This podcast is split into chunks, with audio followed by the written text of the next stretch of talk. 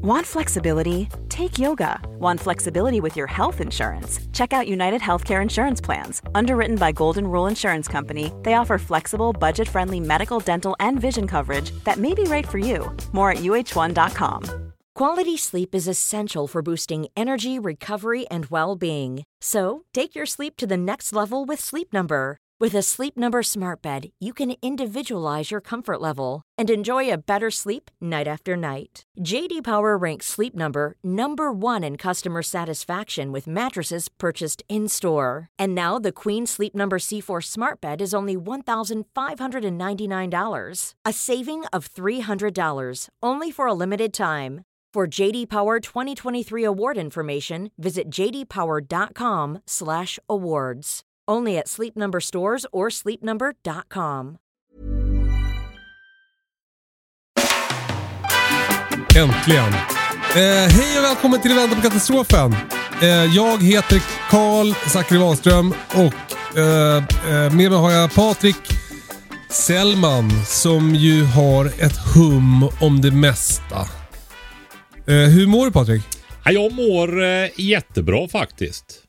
Ja, ja. Härligt ja, det gör jag. jag har ju eh, fått haft på gång det här. Jag vill ju inte eh, hålla på med de där eh, byggsatserna till bikuper längre själv. Nej. Alltså jag har inte utrymme och jag kan inte hålla lager och det, ja, det är inte så jätteroligt längre. Jag har gjort 400-500 kuper tror jag. Eh, men nu är det lite nytändning faktiskt. För nu är en kompis nere i Sunne som har ett, ett större riktigt snickeri, ett professionellt snickeri. Han tar över det där nu. Så nu, det är därför podden är sen nu. Därför att jag har ju varit och eh, flyttat över produktionen och utbildat han och så vidare i två dagar här nu. För andra veckan i rad är podden en dag sen. Ja, och jag har pratat med smeden, våran klippare Nils Ögren. Ja. Och han kan nog inte klippa förrän imorgon kväll, så den här kommer nog på fredag morgon till och med. Den här Oj, oj, oj, oj. Folk kommer bli tokiga. Ja. Det är sådana smällar man får lära sig att ta här i livet. Du, eh, vad ska du göra med all tid som frigörs från kuptillverkningen då? Jag ska skriva. Mm! Vad ska du skriva?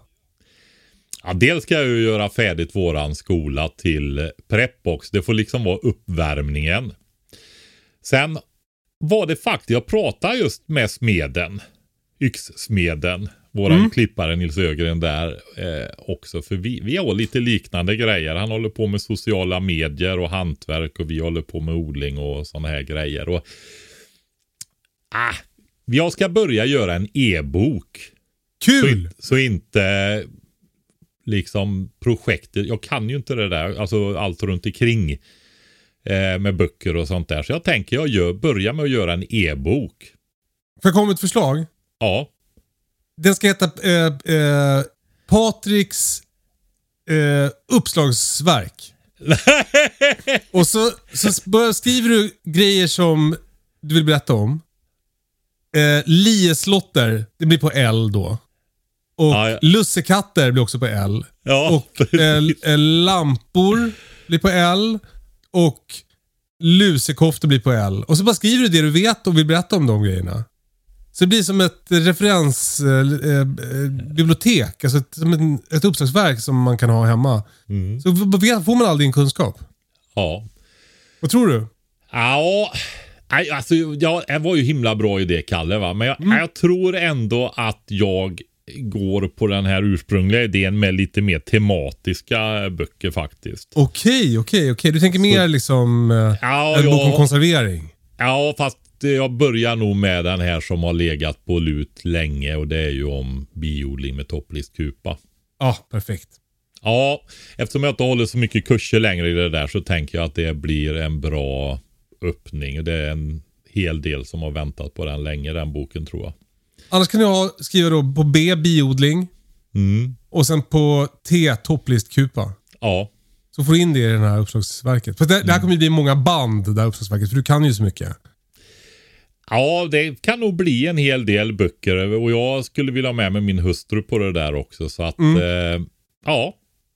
Vi får se vad det blir. S, separat. Ja, Och precis. slangar och surkål. Solceller. Solceller, Savoykål finns också. Ja, precis. Det, Ja. Det, det finns på varje bokstav en himla massa kall. Du, eh, min beredskap är eh, helt okej. Jag har märkt att jag har liksom... Det är en ganska lugn period på gården så här års. Ja. Det händer liksom inte så mycket. Man, man sår några frön. Och, och ja, så det med att hålla på och så frön, alltså det, det är ju väldigt mycket större innan man gör det. När man väl gör det så tar det ju typ 45 sekunder att så aubergine. Mm. Men jag håller på, du håller på och har inte tänker så på det många mycket. auberginer helt enkelt. Jo, jo, men jag har väl ändå... Alltså jag tänker väl ändå ha liksom... Jag har ju så stort växthus nu, så jag tänker väl ha 30 planter. Mm. Men 30 frön pluppar man ju ner på... Det tar ju ingen tid alls.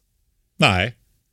Strax över 45 sekunder kanske. Ja, strax över. Men det är, det är väldigt... Det är inte... Alltså det är så coolt med det här med... med alltså jag får ofta frågan så här, hur hinner ni med gården? Och hur hinner ni med och djuren och, och odla och allt det där? Det tar ju bara tid ibland. Ja, men det är ju, ska jag, alltså, det är ju det där, jag tror vi har pratat om detta flera gånger, men jag, jag, det känns lite som att det ändå är värt att ta upp gång på gång. va.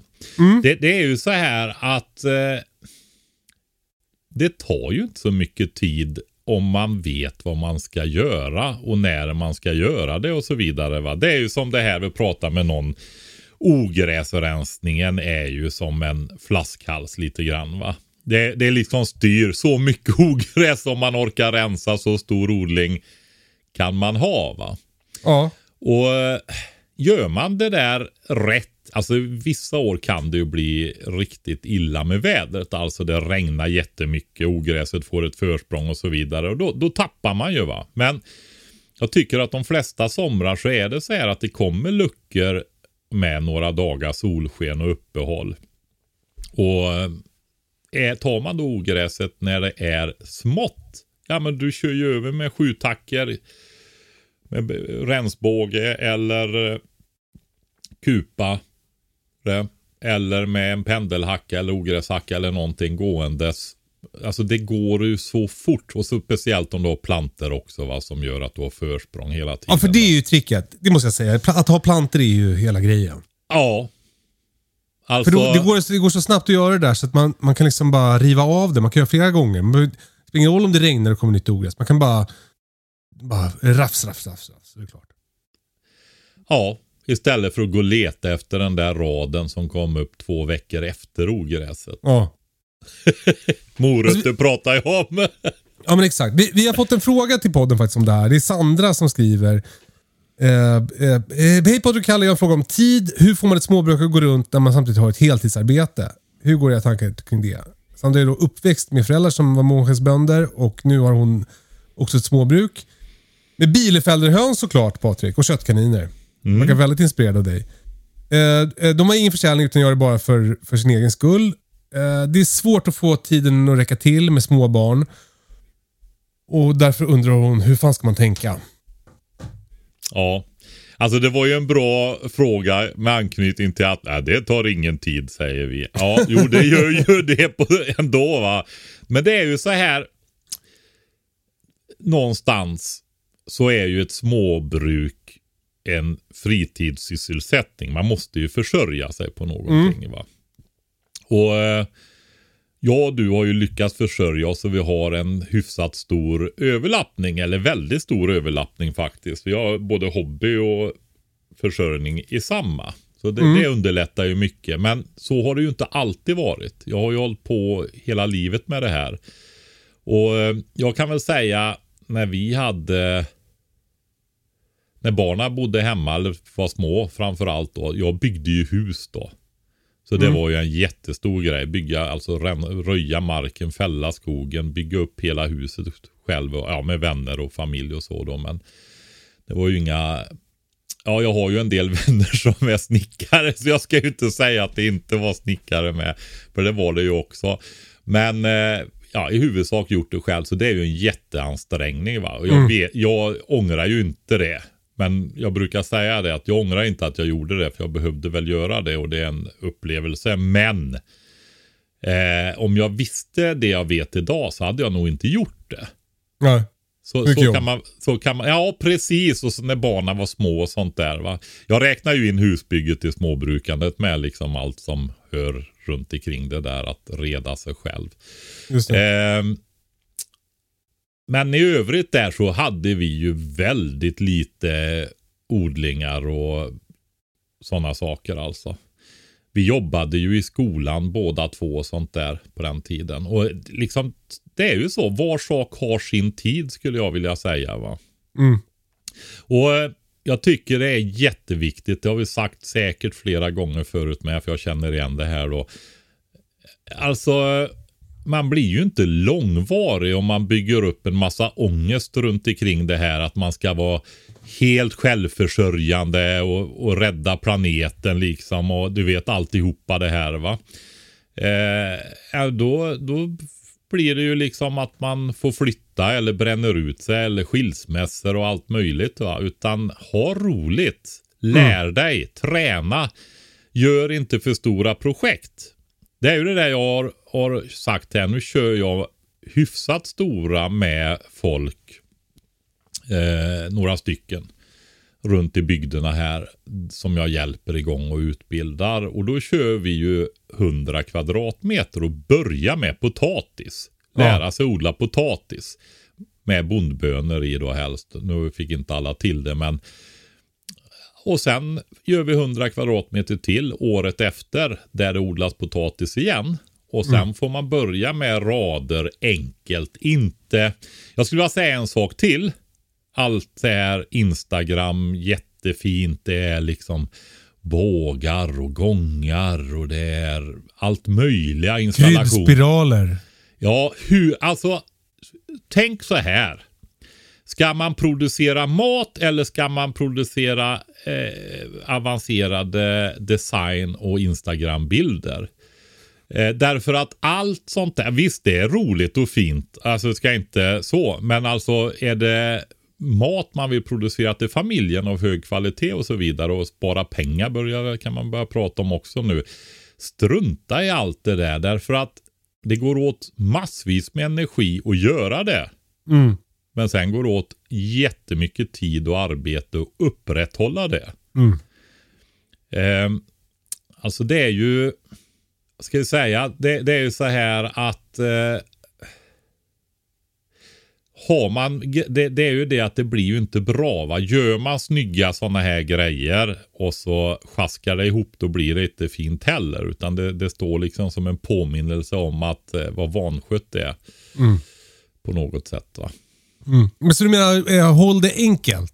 Ja, precis. Om det är mat du vill producera då kan du väl göra en jättefin eh, liten designad trädgård då, som är lagom stor så inte det blir för mycket att upprätthålla den om du vill det. Men eh, annars så pratar jag mer och mer om det där att verkligen, eftersom vi är så inriktade på produktion och beredskap och så vidare, både i mina kurser och, och på podden här och allting, så satsa på det istället. Mm.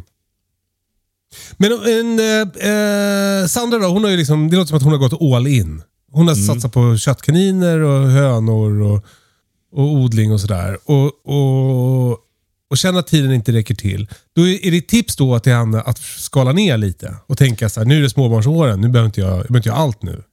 Nej, samtidigt som det är ju spänt i världen verkligen. Vi pratar inte så mycket om det mer. Ja, vi har ju varit i Ukraina och det här givetvis. Men, men jag tänker totalt sett på, alltså det knakar ju verkligen överallt och alla Ja. förbereder sig på det stora kriget. Va? Ja. Eh, Det är ju bara vanligt folk som sitter, det händer nog ingenting. va Eh, Och har det som beslutsunderlag.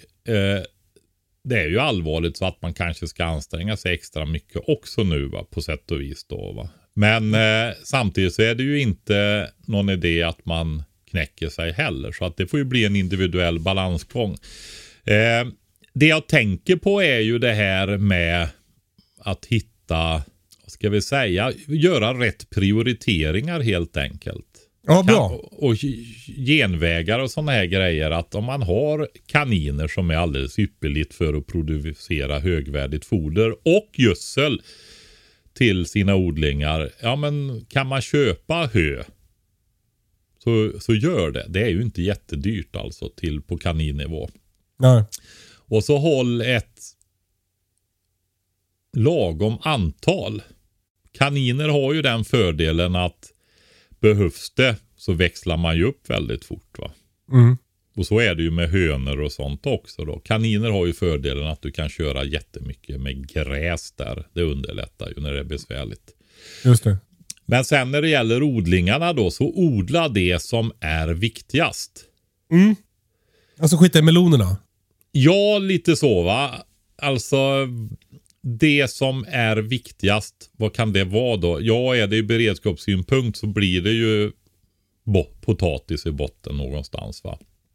Ja. Mest med minst arbete, lättast att lyckas med på de flesta jordar och sånt där. Och sen kanske man odlar mindre av kronärtskockor som är mycket krävande omplanteringar och ja. Så. Just det. Som är en lyxgrej. Ja, jag skulle säga så. Då är det, fortsätter det vara bra tider så köp sådana grejer istället då.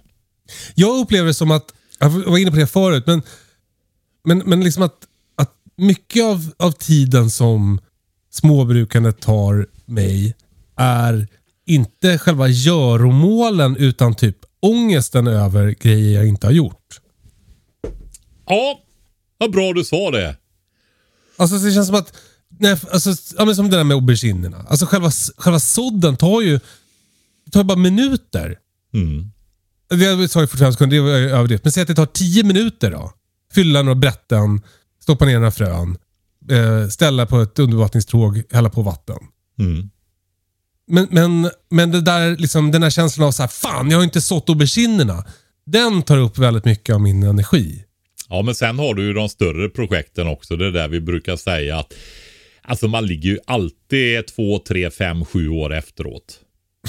ja men... Eller Ja, men vi- efter menar jag, inte efteråt, efter. Ja. ja. Jo men så är det väl. Alltså det Ja. finns ju jättemycket så att man ska behöva måla ladan och sånt där. Men, men det, det kan man ju ta då någon gång när man är ledig och kan bjuda hem massa kompisar som kan komma och hjälpa, hjälpa en. Ja, att man försöker hinna med något projekt varje år i alla fall. Va? Ja. Eh, som, som för verksamheten framåt på något sätt. Den där, jag håller ju på med en vedbod nu. nu ja. Och sen ska jag upp med lite mer förrådstak så jag får in saker under tak här och sånt där mer. Va? För nu Just det. far det illa och ser brötigt ut här. Som, som jag sa, ja, men det är ju det. Det är ju ett nybygge fast det har blivit några decennier då. Så det finns ju inga gamla lador eller någonting sånt här. Va? Nej. Och nu har jag verkligen köpt på med virke och takpapp och ja du vet det är högt och lågt. Och 50 bikuper har jag tagit hem också som står uppstaplade här. Så att det är, Herregud. ja det är, det är mycket nu faktiskt saker. Men så mitt tips till Sandra i alla fall, det är väl typ så här. Fundera över hur mycket tid det egentligen tar. Är det kanske så som det är för mig, att det är mycket, mycket tid och energi går åt till, till ångesten. Då kan ju bara sluta ha den ångesten och börja göra saker istället. Mm. Eh, Så, så, för, för så mycket tid tar inte, alltså mina grisar, det, det, de tar inte så mycket tid. De har ju vattenautomat liksom. Och sen får de mat, så är de mat varje dag. Mm. Men, men så, så mycket mer är det ju inte. Mm. Och så måste man ibland laga staketet eller fixa. Men, men det är ju ingenting som måste hända varje dag. Nej, det är ju tillsynen där, djurrundan och sånt där och att man gör den så att den blir så lätt som möjligt då. Va? Nej, jag sitter, när du säger sådär Kalle så sitter jag och säger ja, varför är man inte bara en perfekt människa? Det är ju så mycket enklare. Det är ju det. Hålla på och ångest. Varför ska man ha det? ja, precis. Och skämmas för saker och tycka, ja du vet sådär. Ja. Ja. jag tänker på det här som jag tycker är lite jobbigt att det är stökigt här nu va. Ja. Eh, men det du tar upp är, är ju viktigt som tusan alltså. Och det handlar ju om hur man förhåller sig till grejerna. Mm. Vi har ju pratat om 80-20-regeln till Ja, jag exempel. tänkte precis komma in på den. Den är ju Ja. perfekt. Berätta. Ja, alltså det är ju det här att har man jättemycket att göra då, det, är ju det vi pratar om här va. Att Man både ska jobba, man har småbarn, deras aktiviteter som kommer att öka också om de är lite äldre och sådär och så ska man hinna med sitt småbrukande. Eh, det är det där att göra saker tillräckligt bra och inte vara petnoga in i detalj. va. För det är det där sista petnogandet som tar så oerhört lång tid. Och 80-20 då, det är en, ja, en schablonisering utav att man gör 80 när man har gjort 80% av ett projekt så har det tagit 20% av tiden. Och ska man göra de sista 20 procenten, ja, de, det är de som tar tid. va. Så att eh, tillräckligt bra är tillräckligt bra. Mm. Och då är det ju det där vi människor att liksom vi ställer höga krav på oss. Vad ska grannarna säga? Vad ska mamma säga? Ja, du vet så här va. Utan eh, då, då får man, alltså det, det är det där vi pratar också om i ett avsnitt när det gäller relationer. Man får ju lära sig helt enkelt. Mm. Så, Jo, men sen blir eh, det ju lite, alltså, det var ju som någon, någon, en kompis barn sa efter att ha sett julspecialen, att det var som att titta på Morgon och Tobias. Man får, alltså, det kanske du inte vet vilka det är, men det är en pundare som har varit i en tv-serie. Eh, men om, eh, och då, då, då får jag liksom lite ångest och så här. Men samtidigt så, jag har ju det här. Alltså jag har ju den här platsen med liksom, jag kan göra massa, jag, jag odlar massa grönsaker och har massa djur. Och, och, och det skulle inte jag ha om jag var perfektionist och hade Nej. svårt att få saker gjorda. Nej. Och det, det är en väldigt stor skillnad på mig och Britta till exempel. Hon kan ju vara väldigt så här, eh, hon, är mycket i planeringsstadiet så lägger hon mycket kraft. Mm. Hon skapar Pinterest-mappar där hon spar eh, inspirationsbilder. Hon skissar och, och det, det gör ju att, att hon lätt kan fastna i det, den fasen. Liksom. Så att det sen kanske inte finns någon energi kvar till att faktiskt göra grejerna. Medan jag sätter igång och rätt för det så är det klart. Och sen är det lite som det är. Det blev lite skevt, eh, men det blev. Ja. och jag tror att den där stilen, liksom, att ha, att ha det, det, den... Jag tror jag säger i tv-programmet en gång så här. Att driv trumfar kunskap eller något sånt där. Alltså, om man bara vill någonting skitmycket, då, då, då är det bara att hålla på så blir det så. Liksom. Mm. Och sen blir det ju bättre om det är saker man ska göra flera gånger då. Va? Ja, Så lär man ju sig efterhand av sina misstag. Så Ja. Nej, men det, det är viktigt det där du säger att eh, om jag tittar mig runt omkring här där jag bor till exempel. Eh, ja, men då de flesta människor de ser ju till att ha det städat och fint. Mm. Det, det är det som är eh, uppdraget liksom. Och, och klippta gräsmattor då va. Mm. Och det här vi har pratat om att när vi får effektivare gräsklippare, det är inte det att det läggs eh, klipps mindre utan det klipps mer istället. Man Ja. ökar liksom produktionskraften av klippt gräsmatta istället. Ja. Eh, och det får man ju göra om man vill. Mm. Men det kanske inte är, är det man ska ha fokus på om man ska hålla på med småbruk då. Ja, om man inte har väldigt mycket tid. Men det lät ju på Sandra som att tid var ett problem för henne. Då är det väl att hon ska mäta munnen efter matsäcken i det här sammanhanget. Liksom. Mm. Oftast har man ju inte så mycket tid när man är småbrukare. Sen finns det ju alltid en balansgång också. Och jag känner väl själv att jag har vinglat iväg lite mer åt, vad var det du kallade det där? Det här programmet och det. Morgon och Tobias. Ja, precis. Känner väl Ja. att det är lite slagsida åt det hållet nu då. Ja. Om Så som jag uppfattade det i alla fall. Jag vet ju Ja. inte vad det är då. Så jag, jag ska, när det blir vår här och smälter undan lite så kommer det att bli ett rejält krafttag med och, och ställa i ordning faktiskt. Det var ju så, jag har ju, jag har ju lyssnat på en del avsnitt från höstas. Alla avsnitt, det var ganska många. Nej, jag är lite sleten. ja, ja. ja, det var Ja, men det var faktiskt, jag var faktiskt det. Det är ju...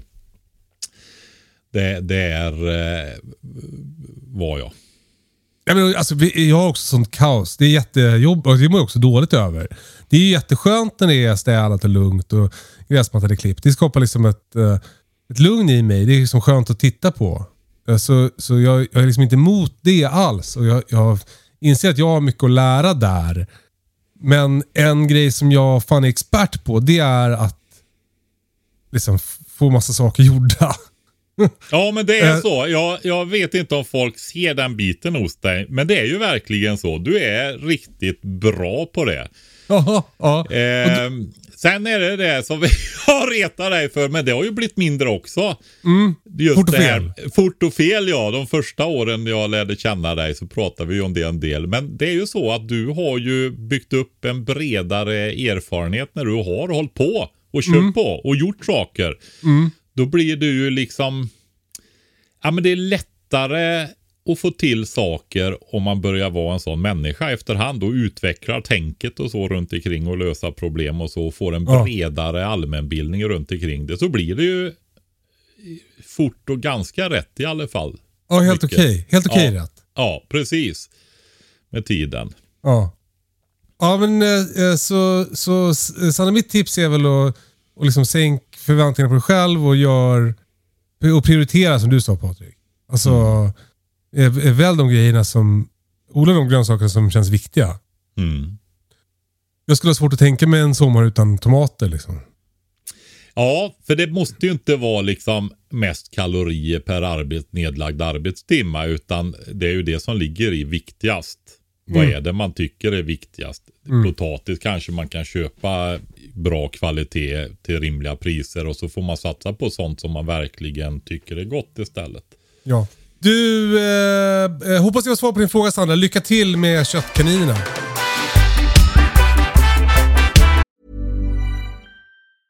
Selling a little or a lot?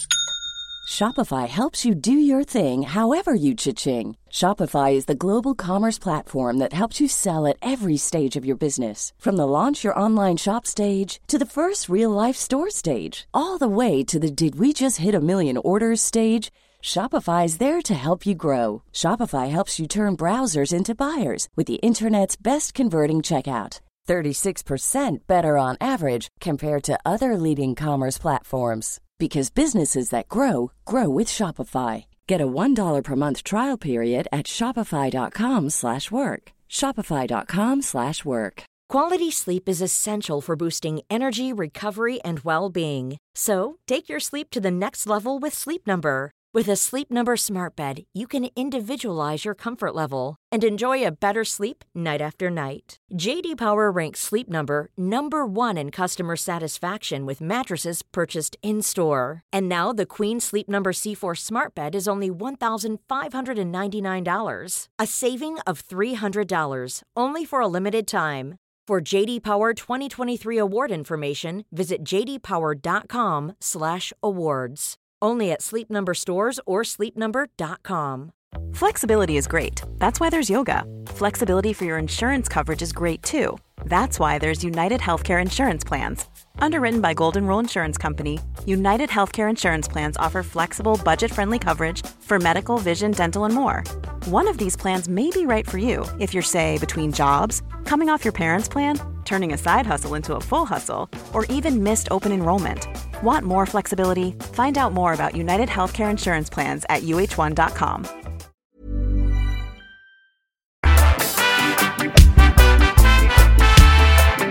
Eh, eh, Patrik, vi har fått en fråga från Emil.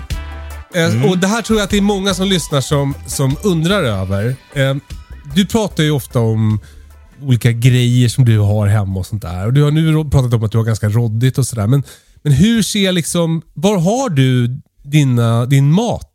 Hur ser ditt förråd ut? Jag har, det, alltså jag, det, vi har hållit på i två år nu Kalle. Vi har nästan sagt allting redan. Ja, det, det låtsas vi inte om. Vi tar det igen bara. vi kör igen ja, Alltså precis. Emil börjar undra ju. Han, vi kan inte kräva att han ska Ja. gå tillbaka och lyssna. Nej, nej. Så är det ju. Eh, Men det ringer en klocka bak i huvudet. Jag känner igen att jag har sagt saker. Men det jag tycker är också det är eh, upprepning är ju kunskapens moder. Ja. Så eh, jag tycker att man ska tänka i tre lager när man börjar titta på större beredskap då. När man lämnar det här en, två veckors nivån. Där det här egentligen handlar om att veckohandla en vecka i förväg och ha lite extra i, i skafferiet i princip. Va? ja. Men börjar man titta på, på längre perspektiv så eh, tre lager Dels det här korta omsättningslagret i kylar, lilla skafferiet och så vidare. va. Alltså vardags eh, maten som roterar där. Egentligen det, det vanliga kan vi säga. Kul att säga vardagsmat och det faktiskt betyder vardagsmat. Mm. Det Precis. brukar annars vara en omskrivning. Ja. Ja. Men sen nästa grej då, det skulle jag säga att det är vårat eh, stora skafferi. Mm. Det är... Eh, ja, det är inte, kan det vara 3,5 kvadratmeter kanske? Någonting sånt. Och där är ju också inte det där med tre hyllor på ena väggen och tavla och fint. Utan det är liksom optimalt hyllplan i nivåer liksom så här tätt. Exakt så att eh, en stor honungsburk och en liten ryms på varandra. Så det är inte mellan- Instagramvänligt ditt skafferi. Det är mer Nej, för... alltså det, jag tycker att det är lite roligt och ändå. Speciellt när det börjar hänga eh, kött och sånt i gången där man egentligen ska gå in och hämta grejer. Vi har ju järnrör uppe i, blårör uppe i taket där jag kan hänga. Det har faktiskt hängt fyra halva grissidor. Ett kvarts ton slaktvikt totalt på dem. I Jag, taket jag skulle ha sett dig när du skulle åla in för att hämta en ny flaska olivolja. Ja, N- När du som gick ner i limbo för att komma under grisarna. Ja, de tog nästan upp hela höjden faktiskt. Eller de gjorde det. Men eh, olivoljan står också en flaska ute. ja, Där man lagar mat. Så att eh, det det är det där vardags är nog inne i köket ska vi säga då. Ett lager ett om man säger så. just det. En liten frys, en kylskåp och lite andra skåp och sådana grejer då med, med livsmedel. Men sen tvåan då, det är ju det här som är roterande. Jag tror, jag har läst någonstans liksom det här att de packar in i mylar och det blir så roligt och så packar man ju allt i mylar. Ja men alltså Bönor och linser och sådana saker håller ju i åratal. I Utan Milar. Ja, utan mylar alltså. Eh, där skulle jag istället säga att i det där lager två när det gäller förvaringen så är det bättre att ha mindre behållare. Så skulle man få ohyra någonstans så är det en liten del som blir eh, förstörs helt enkelt då. Va? Eller som man Smart. behöver åtgärda. Att man tänker på det sättet. Och så har man vanliga burkar, flaskor, petflaskor är det en del som har använt och sådär. Men sen kommer vi till det här tredje när man bara pratar månader, halvår och sådana saker då. Mm. År kanske till och med. Eh, och då pratar vi större volymer och där tycker, där hör jag en del resonera som så här att nej, man ska inte ha de här stora 20-25 liters hinkarna och jättestora mylarpåsar och så vidare. Så att, eh, för då när man öppnar den, då öppnar man ju alltihop och så sitter de och packar in 200 kilo livsmedel i små mylarpåsar. Ja. Jag har ju precis suttit och sagt det att ja, men det går att förvara i flera år i vanliga burkar och sånt. va. Så öppnar man då en sån där hink, ja men fördela då ut den i, i flera små efteråt.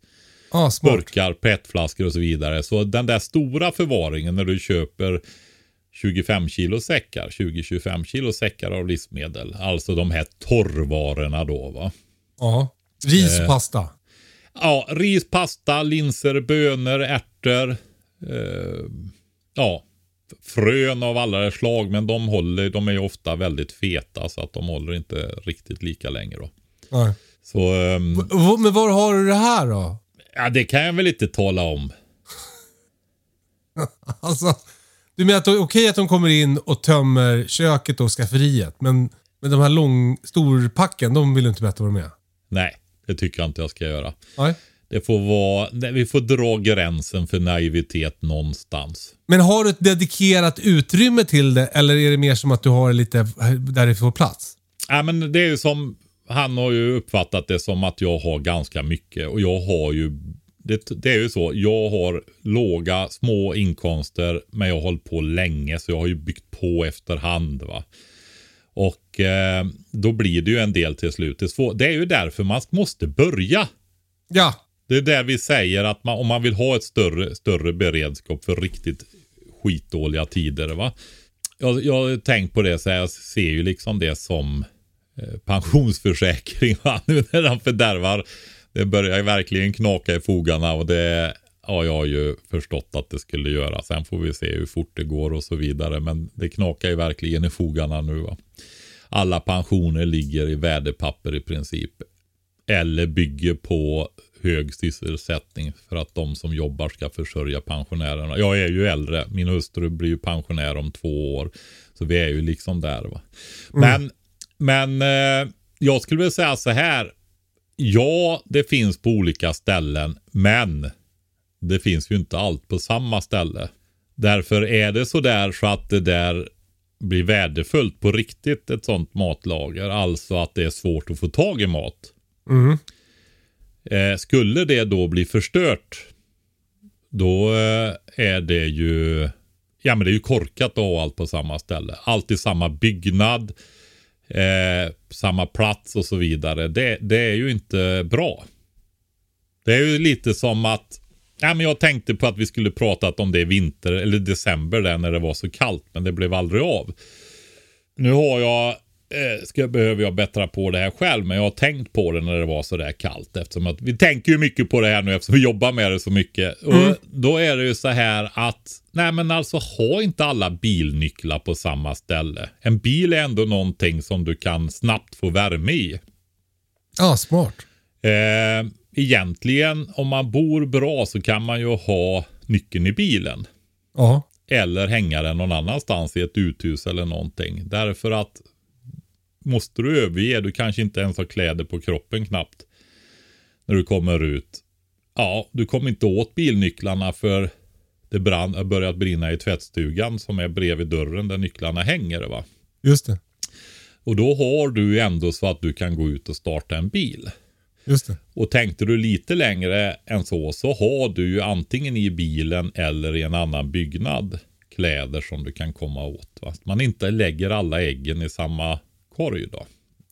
Men låt säga att du skulle ha de här matlagren någonstans. Skulle du gräva ner dem då eller skulle du ha dem hos någon bekant? Eller skulle du... Ja men det är väl sådana olika saker. Jag har inte, jag kan väl säga jag har inte grävt ner någonting då. Nej, Eh, det har jag inte gjort. lite synd. Ja, det hade varit roligt va? Ja, det hade varit kul. Ja, men svaret i alla fall. Eh, eh, ditt förråd, eh, eh, det visar vi inte upp. Men du har mycket, du, har, du tänker tre lager och inte alla ägg i samma korg. Nej men precis. Det låter vettigt. Ja.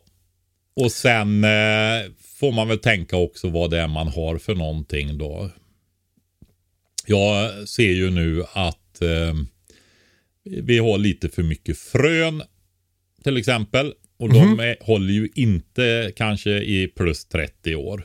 Utan eh, nu äter vi väldigt mycket fröknäcke här.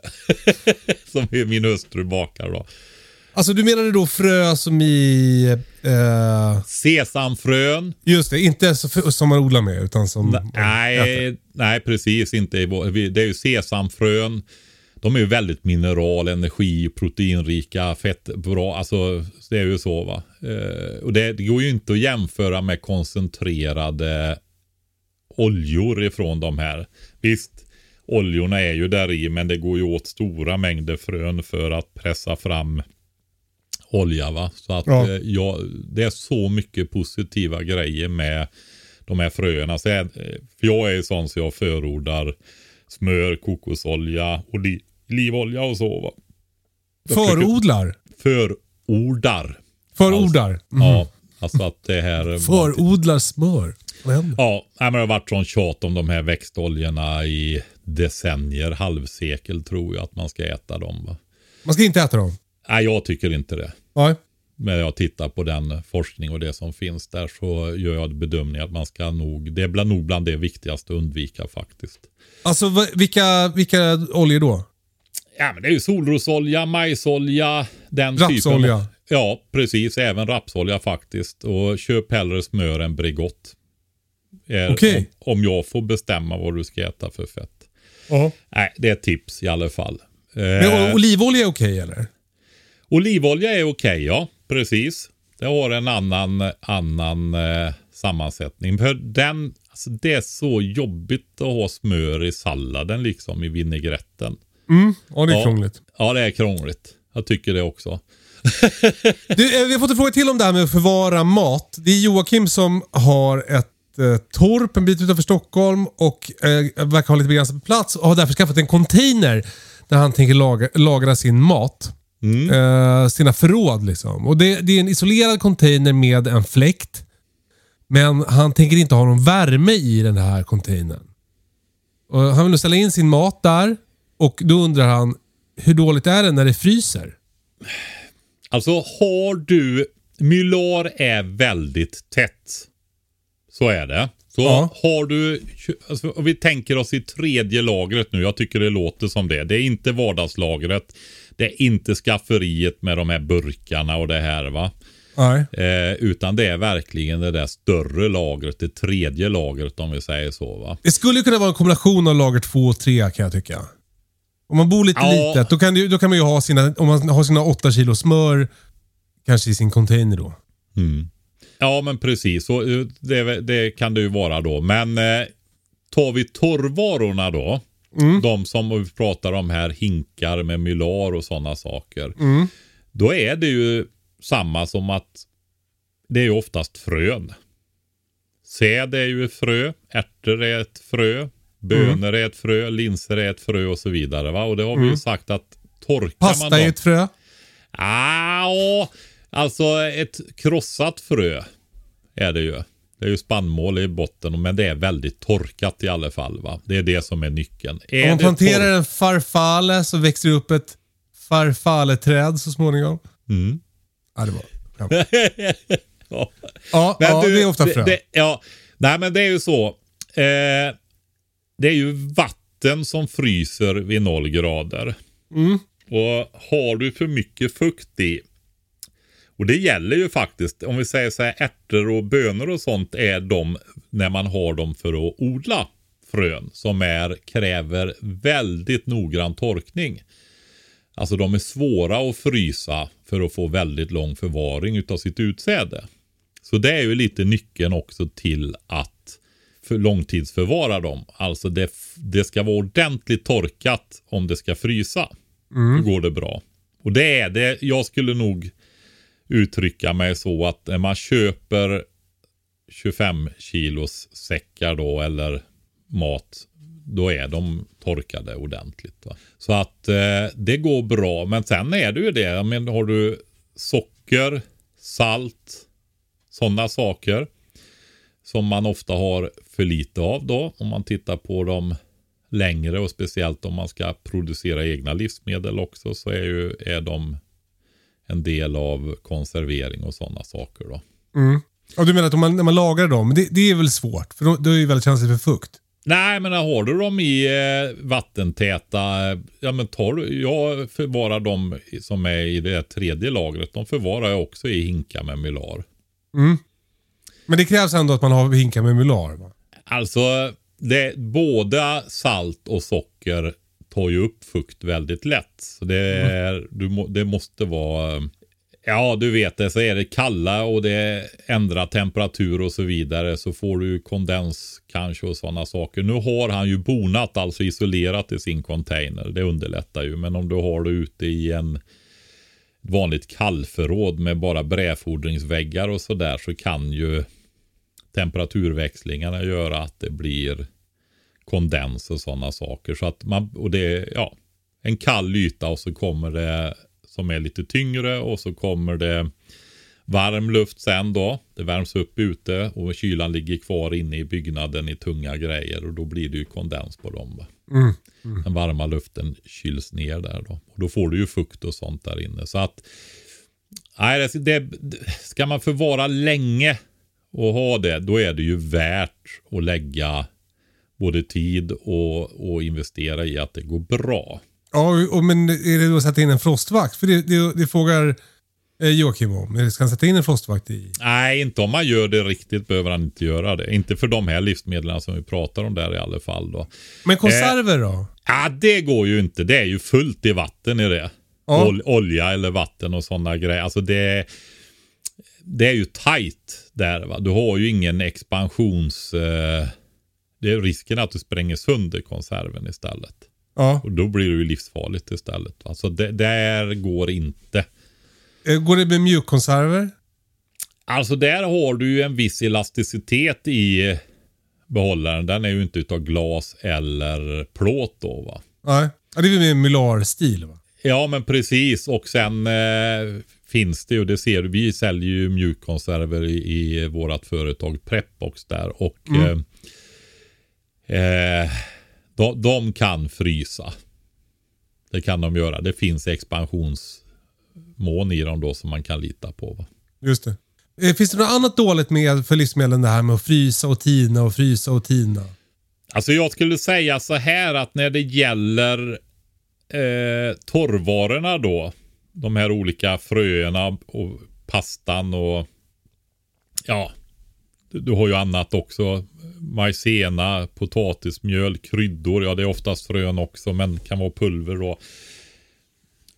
Där är det ju ingen fara om det är temperaturväxlingar oftast. Det är bra om de inte är för snabba, men ofta så följer det i årsrytmerna mer. Och så kanske det blir nå- några lite snabbare. va. Just det. Det är ju samma som jag ser i vårat skafferi. Det ligger ju nära nollan hela vintern i princip om det är normala, hyfsat normala vintrar då. Medan det sen på för och eftersäsongen så går det ju upp och blir som en sval.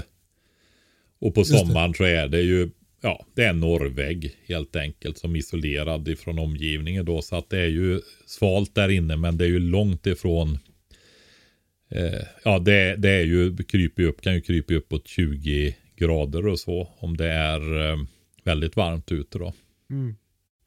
Och är det längre tid kan det nog bli ännu varmare där. Men det är ju tröga rörelser. Och det, det Joakims eh, container är ju isolerad då, som sagt. Och det, det hjälper ju till. Ja, och den var ventilerad också. Ja.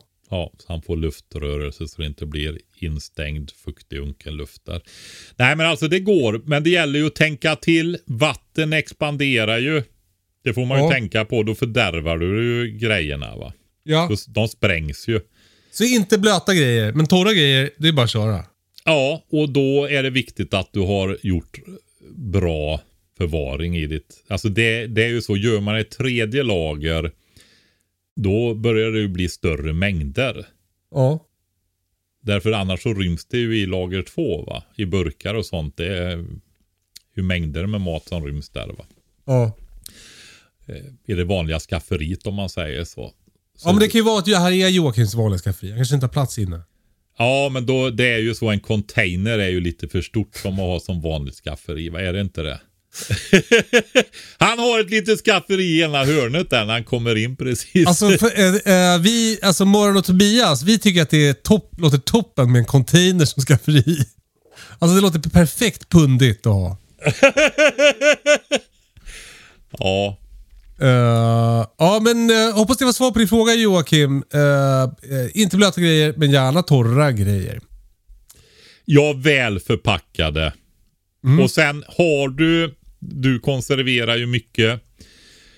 Jag konserverar också, kanske inte lika mycket. Jo, nästan det gör jag nog. Och eh, det får man ju ha i frostsäkra utrymmen då helt enkelt. Va? Och det kan ju vara jordkällare till exempel. Du har ditt jordkällare va? Ja. Ja. För där, en bra jordkällare är ju frostfri jordkällare. Men du vad fan, en frostvakt i den här containern, det kan ju inte kosta så mycket att hå- hålla den, hålla den på några plusgrader bara. Nej, men så länge den fungerar ja. Men han kan ju inte ha gigantiska lager som bygger på att frostvakten ska fungera. Är sant. Du vet cyberangrepp mitt i kallaste vintern på elsystemet och så har han liksom precis när han var hemma hos mamma och pappa långt bort och så fryser allt sönder i han, alla konserver sönder i hans container. Sen har han gulasch i, i lösvikt i den där containern. Ja, precis. Två decimeter flyter omkring på golvet. Nej, men håller man på med beredskap så bygger man ju inte förvaring i sina stora lager på en frostvakt som bygger på el. Det går ju inte Kalle, förstår du väl? Självklart inte. Nej. Men och nu vet Joakim det också. Eh, Ja, vad bra. tack för din fråga Joakim. Eh, Patrik, eh, jag tänkte vi skulle prata lite om din förodling i Söderfönster. Just det, du var ju aldrig, du, vi pratade om det men du insåg sen att det gick inte så himla mycket el ändå i ditt hyllsystem så då körde du med det i alla fall. Du har ju kommit in i det nu. Jag, jag Ja. satt och tänkte på det nämligen så här. Vi har ju lite det där att jag ska vara erfaren och du är nybörjare i det här. Men Ja. alltså, du är ju inte så mycket nybörjare längre. Ja, men, ja, ja, men det, jag kan ju låtsas vara det i alla fall. Ja, det är schysst att du ställer upp Kalle. Mm. Alltså, hela min karriär är ju bara att jag låtsas som att jag inte vet någonting. Det, är- det är perfekt. Tänk att bli så känd på det vet du. Ja, Men gör ja. man någonting tillräckligt innerligt och bra så blir det väl så. Alltså bra på att vara nybörjare. Eh, ja, men det, jag bestämde mig för helt enkelt för att jag, eh, jag unnar mig elen det kostar med de där lamporna. Alltså jag, jag liksom... Jag har rätt bra med stålar just nu. Jag, jag lyxar till det. Ja. Sen var, är det ju så här att Europa kom ju undan med blotta förskräckelsen. Eh, vi hade ju det kalla december och det var ju då vi pratade om det. Ja. För det skulle börja i januari. Ja. Och eh, ja, folk fick väl 8 till 25 000 i elräkningar i januari nu när den december skulle betalas där. Ja. Men så kom ju, blev det ju en av de varmare vintrarna i Europas moderna historia i alla fall. Va? Så Ja. att eh, det är ju inte så sky. Det är sällan det är uppe i 7 till 10 kronor som det var tidigare i höstas. va. Mm. Så är det ju. Så, så det är ju så. Men jag bestämde mig i alla fall för att köra i söderfönster och det är ju för, dels för att vi har kört i hyllor med lampor i 10-15 år. Va? Så jag kände att man kan ju damma av det där och, och så. Och sen tänker jag också att man kan prata om det när man gör det. För att Jättefint. många har ju inte hyllor och det, det, det är liksom folk tror ju att du måste bygga stora hyllsystem med belysningsarmaturer och ramper för flera tusen för att kunna odla grönsaker. Så är det ju inte. Nej. Eh, du kan ju gå och samla egna frön hos grannarna. I alla fall av blommor och sånt oftast. Ettåriga blommor och så vidare. Och ta lite bärcontainrar, fruktcontainrar, plast alltså sånt där som du får med när du köper vindruvor eller någonting. Eller mjölkkartonger och, och äggkartonger och så ställa på en bricka i ett fönster liksom där du har som mest ljus. Nu vill jag säga till Sandra bara som, som mejlade om det här med att få hinna med sitt småbruk. Gör inte det här. Nej, så är det ju. Det, men jag, det, jag vill ändå betona det att det, det behövs verkligen inte mycket för att odla om man är, inte har mycket pengar och så vidare så Nej. går det ju att fixa det. Va? Men däremot, jag har ju, jag var ju länge sedan vi började använda brätten. Ja, 30 år sedan. Något sånt där. Alltså dina första var ju gjorda av, dina brätten var ju gjorda av asbest. Nej, de var gjorda av plast faktiskt. Mhm. Fanns plast då? Ja, Ja. Bakelit. Ja, nej det var de inte. Det, faktum var att det var Lennen Plantek, tror jag de hette. Och de där, det är, jag tror de är skitdyra idag alltså. Säkert. De, ja, för de är så stora och grova och hållbara så att det blir liksom arvegods utav de berätterna. Ja. Ja, det är så va. Men eh, jag använder ju så kallade quickpot mest nu då. Det är väl de du har också. 90, 96 och 104 och allt vad de heter va. Mm. Så är det. Eh, men Jordnära fall. har ju några, nå- några andra storlekar som inte jag har sett förut. De är inte 96. Det fanns 9 och 16 och sådär. Som är också lite större behållare på. Alltså lite Ja, djupare. det, det är ju celler. samma. Exakt. Vi kör ju med, har ju kört med 9 cm krukor istället. Eh, jag ska testa de stora nu då för att kunna hantera dem som berätten, berätten också. Framförallt till majsplantorna ska jag testa. Ja, kul. Eh, kanske till tomaterna också. Vi får se. Men eh, nej, men det som jordnära har gjort då, om vi ska ta det och tittat på dem. För de har de som är standardiserade mått. Jag tror, undrar om inte ditt ebb och flodbord du har är ett sånt mått. Jo. Har du sett de här vagnarna som finns i plantskolor med blommor och alltihopa sånt där som de kör ut? Ja. Fin- Finns väl på granngården också på vårarna där va. Så är det ett antal hyllplan. Den ytan där som finns på varje hyllplan. Det är en standardstorlek som har blivit för proffs då kan man säga. Alltså att du har en stor bricka där och på den så ryms fyra stycken sådana här brätten i de här storlekarna. Och det är det, de måtten som jordnära har anpassat sig efter då. Och Ja. bygger sina hyllor och sånt där i växthusen och så. Så därför skiljer det sig då. Ja, ja. Så han går på industristandardstorlekarna då. Va? För underbevattningstråg och sånt där. Så, så är det. Eh, nej, men jag ringde till Daniel och bad fråga om han tyckte att det var något värde. Jag har ju samarbetat förut med växthusen och så vidare där. Så jag tänkte jag hör med honom. För jag ja. tycker det var Nej, de, det var roligt att samarbeta med dem. Det var jättebra. Och han tyckte att det hade det absolut. Så han skickade ju över några sådana här fönsterbänksbrätten och tråg och så vidare. Som ryms på vanliga fönsterbrädor, fönsterbänkar då. ja, ja. Ja, det är ju den lättare plasten och det är ju fördelar med dem är att du kan transportera fler och så vidare och de är inte så tunga och sånt där. Och konstruktionen var ändå sån så att bedömer att de, de var väldigt stabila. Alltså hur de pressar den här plasten så får de ju som balkar i konstruktionen som gör att den blir väldigt stark att bära och sånt där. Så att eh, var väldigt bra hållfasthet så. Och jag bedömer väl att de håller det där vanliga som man brukar, brukar säga om plantekbräden, alltså upp till tio år då. Men eh, det, de är ju inte slagtåliga till exempel, va? så man får ju vara rädd om dem då. Och sen är det så med alla brätten att eh, solljus, UV-ljus bryter ju ner. Så det är bra att förvara dem sen på ställen där inte det är så mycket solljus då, när man inte använder dem va. Just det, när plantorna är i så behöver du ha ljus. Men Ja, det är, inte det är ju så. i. Ja, exakt. Så är det. Du måste ju ha ljus när är, du vill ta upp plantor. Det gäller så mycket ljus som möjligt då. Ja. Nej, men jag har börjat med det där nu. Så jag har i hela, jag har till och med börjat använda i öster och västerfönstren lite grann också nu då.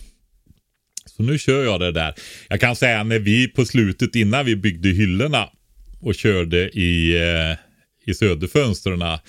Då satte jag faktiskt plywoodskivor på fönsterbänkarna där så jag kunde ställa stora odlingstråg då. ja, det var ju smart. Ja, och sen började det med att jag hängde upp lysrörsarmaturer i fönstren också. Mm. Då- Så att det blev liksom en växling över till de här hyllsystemen sen där då. Men då skruvar du bara en plywoodskiva rakt ner i, i fönsterbrädan? Ja, fast inne i hönorna så det inte skulle bli så stora skador då. Ja. Det var ju smart. Mm. Och sen skruvar jag upp eh, i överkanten på fönstren sådana här öglor så jag kunde hänga en lysrörsarmatur där då. Eh, hur många plantor har du eh, på gång just nu? Eh, oj. Tre, fyra, 400 kanske. Och när eh, har du som mest? Ja, det är ju innan 15 maj. Ja. Nej, då sätts ju tomatplantorna ut i växthuset. Och då är ju alla de här fyra veckors plantorna också. Du vet alla kål, rödbetor, mangold. Kommer du upp dem inne också? Nej, det gör jag inte. Utan de, de eh, såg jag ju 15 april. Ja. Så de är antingen i bänkar ute eller i växthuset ute och sådana saker då. Va? Eh, och i slutet på den perioden så vill jag ha dem med jordkontakt också så att de kan ta extra näring Just ifrån det. jorden under om det behövs. Va? Ja. Så eh, nej, men alltså då är det ju, ja vad kan det vara? Det är ju ja, några tusen planter. Men då är det ju också så att eh, när vi har småbrukarkurserna då som går två stycken under sommaren. Eh, då, då får de ju dra upp planter där och träna på detta och prova olika sätt. Och se hur det här går och sånt där. Och då är det ju mer planter än vad vi behöver här. Så att då går det ju till deltagarna där också. Just Så, det. det. ju. så det är inte, inte allt som används här. Men, men jag undrar bara, hur kommer du få plats i dina fönster eh, när även tomaterna börjar bli... Ja, ja, ja. Nej, men så är inte tanken, utan det är den här tidiga januarisådden nu. Eh, nej, alltså tomater har jag tycker jag inte är så roligt att dra upp i söderfönster och så. Det går inte utan det är januarisådden nu då. Så att jag drar igång hyllsystemen i mars. Då tänker du att elen är lite billigare och då är ditt experiment över? Ja, så kan man säga. Ja. Eh, till och med slutet på mars då så är det ju dags för eh, tomaterna då. Så då, Ja. då behöver jag ha i hyllsystemen. Så jag, nej, det är det inte värt. Det, det, får, det får jag tampas med när det inte finns någon ström. ja hur, men om det inte fanns någon ström, hur skulle du göra då? då? Ja, men då får man ju göra så att man drar upp färre planter eller bygger hyllor i söderfönstren och sådana saker istället. Då. Ja. Eh, Det är ju samtidigt, men det är, man kanske tar ur innan fönstren så det blir kallt vid fönstren så man kyler tomatplantorna. Nej men det är ju så, du, du måste ju kompensera mindre ljus med svalare som håller tillbaka tillväxten för annars får du ju de här riktiga lianerna. Ja. Och alltså det går att göra...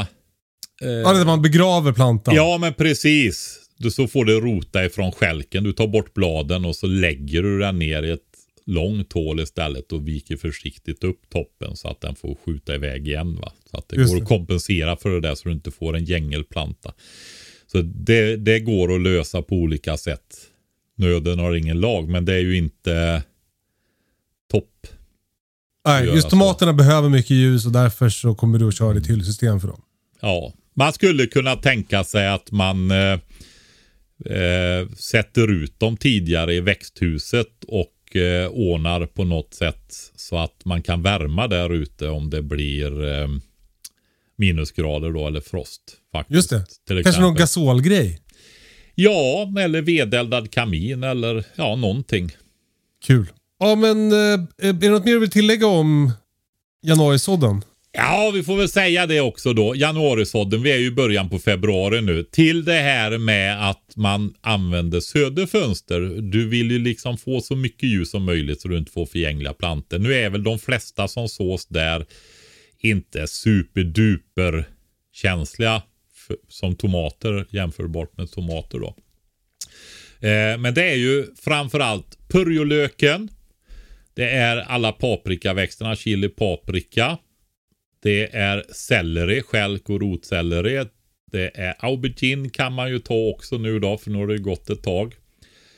Eh, annars brukar man ju säga att de andra är januari och eh, aubergine kanske i februari. Mm. Och nu är ju alla då i februari istället där va. Kronärtskocka tillhör. Sen vill jag också säga att om man har vitlöksbullbiller. Alltså inte vitlöksklyftor. De sätter man ju på sent på hösten. Men har du bullbiller då förvarar du dem svalt kylskåp. Det är ingen som har bullbiller, Patrik. Jo, jag håller på och sprider ut den här kunskapen och jag tycker faktiskt det är det smidigaste och bästa sättet att odla vi- vitlök på. Då sår du den eller sätter du den också. Bulbillerna är ju de här som är småvitlökarna uppe i blommorna. Men som sagt, det viktiga där är att de måste stratifieras, alltså köldbehandlas. Så jag förvarar dem i mitt eh, skafferi fram tills jag sätter dem i januari. I brätten också. Sätter ut dem ungefär som purjolöksplantor sen då, fast ytligare då.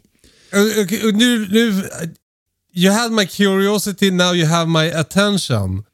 Ja, för när man odlar vitlök, det är ju ofta en sån där klyfta högst upp i, i snöken, i skälken. Ja, Blasten. mm. Vad, då tar jag den, pluppar ut den ur skälken eller? alltså den är ju mer som klyftorna den. Okej, vad är det du ska, jag ska ta då? I, I vissa vitlökar, det finns ju många olika sorter där, så är det så här att eh, du får uppe i blomman. De är bara 5, 6, 7 millimeter stora. Så att det är massvis med pyttesmå lökar där uppe. Det är bullbiller. Okej. Och de knipsar av då och har i skafferiet? Ja, jag tar de blommorna, knipsar av dem och lägger dem i en papperspåse och har i skafferiet. Och sen sätter jag de här små, små bulbillerna en och en i eh, brätten då. Va? Så får de rota sig i sådana brätten ungefär som du har eh, till purjolöken där. Eller det är samma beroende på. Så jag har rätt stora, de största krukorna de är till purjolökarna faktiskt nu i den här tidiga sådden då. Men då, då, så- då, då rotar de sig och sen växer det och så blir det en vitlök eller? Då är det så här, om du gör det i tid, Ja. eh, alltså januari skulle jag helst säga när det gäller vitlöksbulbiller då. Eh, det, de gror inte om de inte har blivit köldbehandlade, alltså varit i kallskaffer i kylskåp fram tills du sår dem. Så är det, för de måste känna att det är vinter. Det är ju därför man sätter klyftorna på hösten också. De måste veta att det är vinter, annars kommer de inte upp. Va? Nej. Eh, och sen gör du så pass tidigt på vintern där i januari. Då får du så kraftiga planter så de hinner bilda riktiga vitlökar stora. Jag har aldrig fått så fina vitlökar, friska vitlökar som när jag har odlat från bulbiller faktiskt. Men varför skulle det inte bli vitlökar av vanliga vitlöksklyftor också om du har stratifierat dem och sen sätter dem i januari? Jo, men det kan man göra i, i, ehm, i dem, men annars kan du äta upp vitlöksklyftorna. Jaha. Ja. Bulbiller, bara- bulbiller är jättebra. Ja, men det är för alla som har ångest över att de inte har sått vitlöken i höstas och nu är det tjäle. Då, kan man, då är väl ett, ett förslag att man skulle kunna eh, köldbehandla dem och sen sätta dem i brätten bara och plantera ut i vår. Ja, det jag vet Alltså om du inte har nu- bulbiller just, utan du har tillgång till vitlöksklyftor. Ja, alltså det går ju att dra upp plantor utav klyftor också. Men det, det är som sagt, de måste känna att det är vinter då. Jag har inte gjort så här sent någon gång, men om man tar och det har blivit tjäle i backen på hösten och jag hann inte få ner vitlöken. Då kan man ju alltså lägga, plant, lägga vitlökarna och lägga plantjord över istället. Smart. Eller sätta dem i brätten. Och ställa ut dem helt enkelt. Så får de komma upp i brätten så kan du plantera ut dem på våren sen när de har kommit upp. Perfekt. Men jag har aldrig gjort så här sent som jag sa nu med vitlöksklyftor. Bulbille, bulbille gjorde jag i fjol. För då missade jag att stratifiera dem och de kom inte upp. Så jag fick skynda mig att stratifiera dem. Och då var det några få som kom upp. Men då hann de inte gå upp i blom och bilda nya bulbiller som de hade gjort tidigare då. Aha. Så att det är viktigt att få ner dem i tid så säsongen blir tillräckligt lång. För annars, många säger att bulbiller då blir det bara en vitlök, eller en kula under alltså, som du måste sätta om för att få klyftor och en vitlöksklyfta. Men gör du, tar du bulbiller och gör det tillräckligt tidigt, då hinner de med hela vägen på en säsong. Vet du vilken som är, vet du vilket, vilken metod Pelle Svanslös använder när han odlar vitlök? Nej, Inte Bill och Buller i alla fall. Bull, bulbill, okej. eh, jag tror att det där var vårt, eh, mitt sätt att säga att nu är det slut för idag. Ja, ska vi säga något om frö? Jag, har, jag tyckte jag såg i SMS, våran sms-grupp där att det är 25 stycken fröboxar kvar. Ja! Bra Patrik! Jag tänker vi nämner det. Eh, alltså vi på Prepbox säljer ju dels de här matlådorna eh, lådorna med katastrofmat. Eh, men vi säljer också en låda med fröer. Så att du har ett litet frölager hemma. Det är eh, mycket frö som klarar sig länge. Eh, vissa måste du odla i år, vissa kan du sp- spara. Eh, det är lätt att ta frö från de här grejerna också. Så, det, så det här är liksom som ett sätt för dig att bli självförsörjande på, på mat antar jag. Eh, så gå in på prepbox.se och köp det. Det finns 25 stycken kvar. You snooze, you lose. Jag tycker att det är så jävla skönt med den här fröboxen Patrik. Jag fick ju hem en. Och det gör att jag har ju, har ju alla fröer nu. Ja, För hela säsongen. ja. I princip, du behöver komplettera med, för du vill ju ha många olika kolsorter. Exakt, jag har många exempel. tomatsorter till exempel. Men, men man har liksom grunden. Ja, Svinbra. absolut. En Ja, perfekt present. Kanske också. det har vi inte tänkt på, men det är det ju faktiskt. Ja. Och med i den här fröboxen så är ju också en... ehm, eh, ett alltså papper med eh, instruktioner. Där du har skrivit hur man ska göra för Bro, odla. broschyr kallas det, Kalle. Okej, boomer. eh, jag bara, pdf, heter det En utskriven pdf. ja, precis. Alltså jag har en broschyr. Eh, ja, men så, så den finns i alla fall. Eh, så det, det är inte bara får man alla frö, man lär sig också odla och ta frö från dem. Eh, du hade glömt att skriva men tog frö från, från kålrot Patrik. Och rödbeta tror jag. Det Så var det bra blir- att de påpekade det. Nej men det är, det, det är bara så, jag vill bara säga det så här att eh, när det gäller rotfrukter, det är ju tvåårigt. De lagrar upp näring och energi i roten år ett. Och det är ju den vi skördar och tar den här näringen och det va, och energin. För får den vara kvar eh, där den växer naturligt kan vi säga då. Så är det ju så här att då går den ju upp i blom året efter med hjälp av den. Det blir en Ja. stor, stor buske. Men ska vi odla frön då? Då förvarar vi den roten oftast i jordkällare. Och sen sätter vi ut den så tidigt som möjligt på våren. Så får den växa upp då va. Så det, det är Du- samma med alla rotfrukter generellt sett då. Ja, men just när det gäller kål också så är det så här. Alltså det finns ju tre olika huvudgrupper av brassica kolväxter då. Och generellt sett vad jag förstår så är de väldigt inavelskänsliga. Jag har inte odlat jättemycket frö utav kål. Kålrot tänker jag börja med då, men den är normalt sett brukar man säga att det behövs ungefär 15, helst 20 rötter. Morot, rödbetor, palsternackor och sånt. va. Men när det gäller kål så är det bra om man kan komma upp i 100.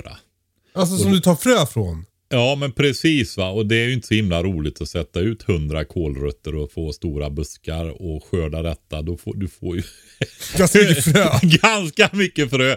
Ja men också, Så du jag- måste också odla, du ska först odla så att du kan äta kålrot. Och sen ska du ha hundra över som du ska spara och Ja. sen sätta ut. Mm. Du får odla 10 till dig själv och sen 100 som du ska ta frö efter. Nej, Sandra, alltså- gör inte det här. Du kommer inte ha tid. Nej, men jag skulle vilja säga så här när det gäller kol då. Vi har ju som föreningen Sesam som vi har nämnt förut också. Som är just en förening för att bevara frö. Eller också så bildar man ett nätverk. Det har vi ju gjort med hönorna här för att få upp antalet och större genetisk bredd. Fler tuppar och fler hönor då så samarbetar vi där. Alltså kol kanske är en sån som man väljer ut en favoritsort och, och samarbetar om man ska ta frön efter den då. Men är det någon som är jätteduktig just på kol eh, och ta frö efteråt där så kom gärna med synpunkter på det där med eh, hur man kan tänka kring eh, inavelsproblematiken på just kol då. Jag ska snacka lite med min kompis Kåle Zackari Wahlström. ja, det är bra. Eh, tack för att ni lyssnade. Tack för idag har det- Patrik. Ja, har det varit en hektisk period nu Kalle? Ja, Ja, jag tror det. Har det... varit en lång dag.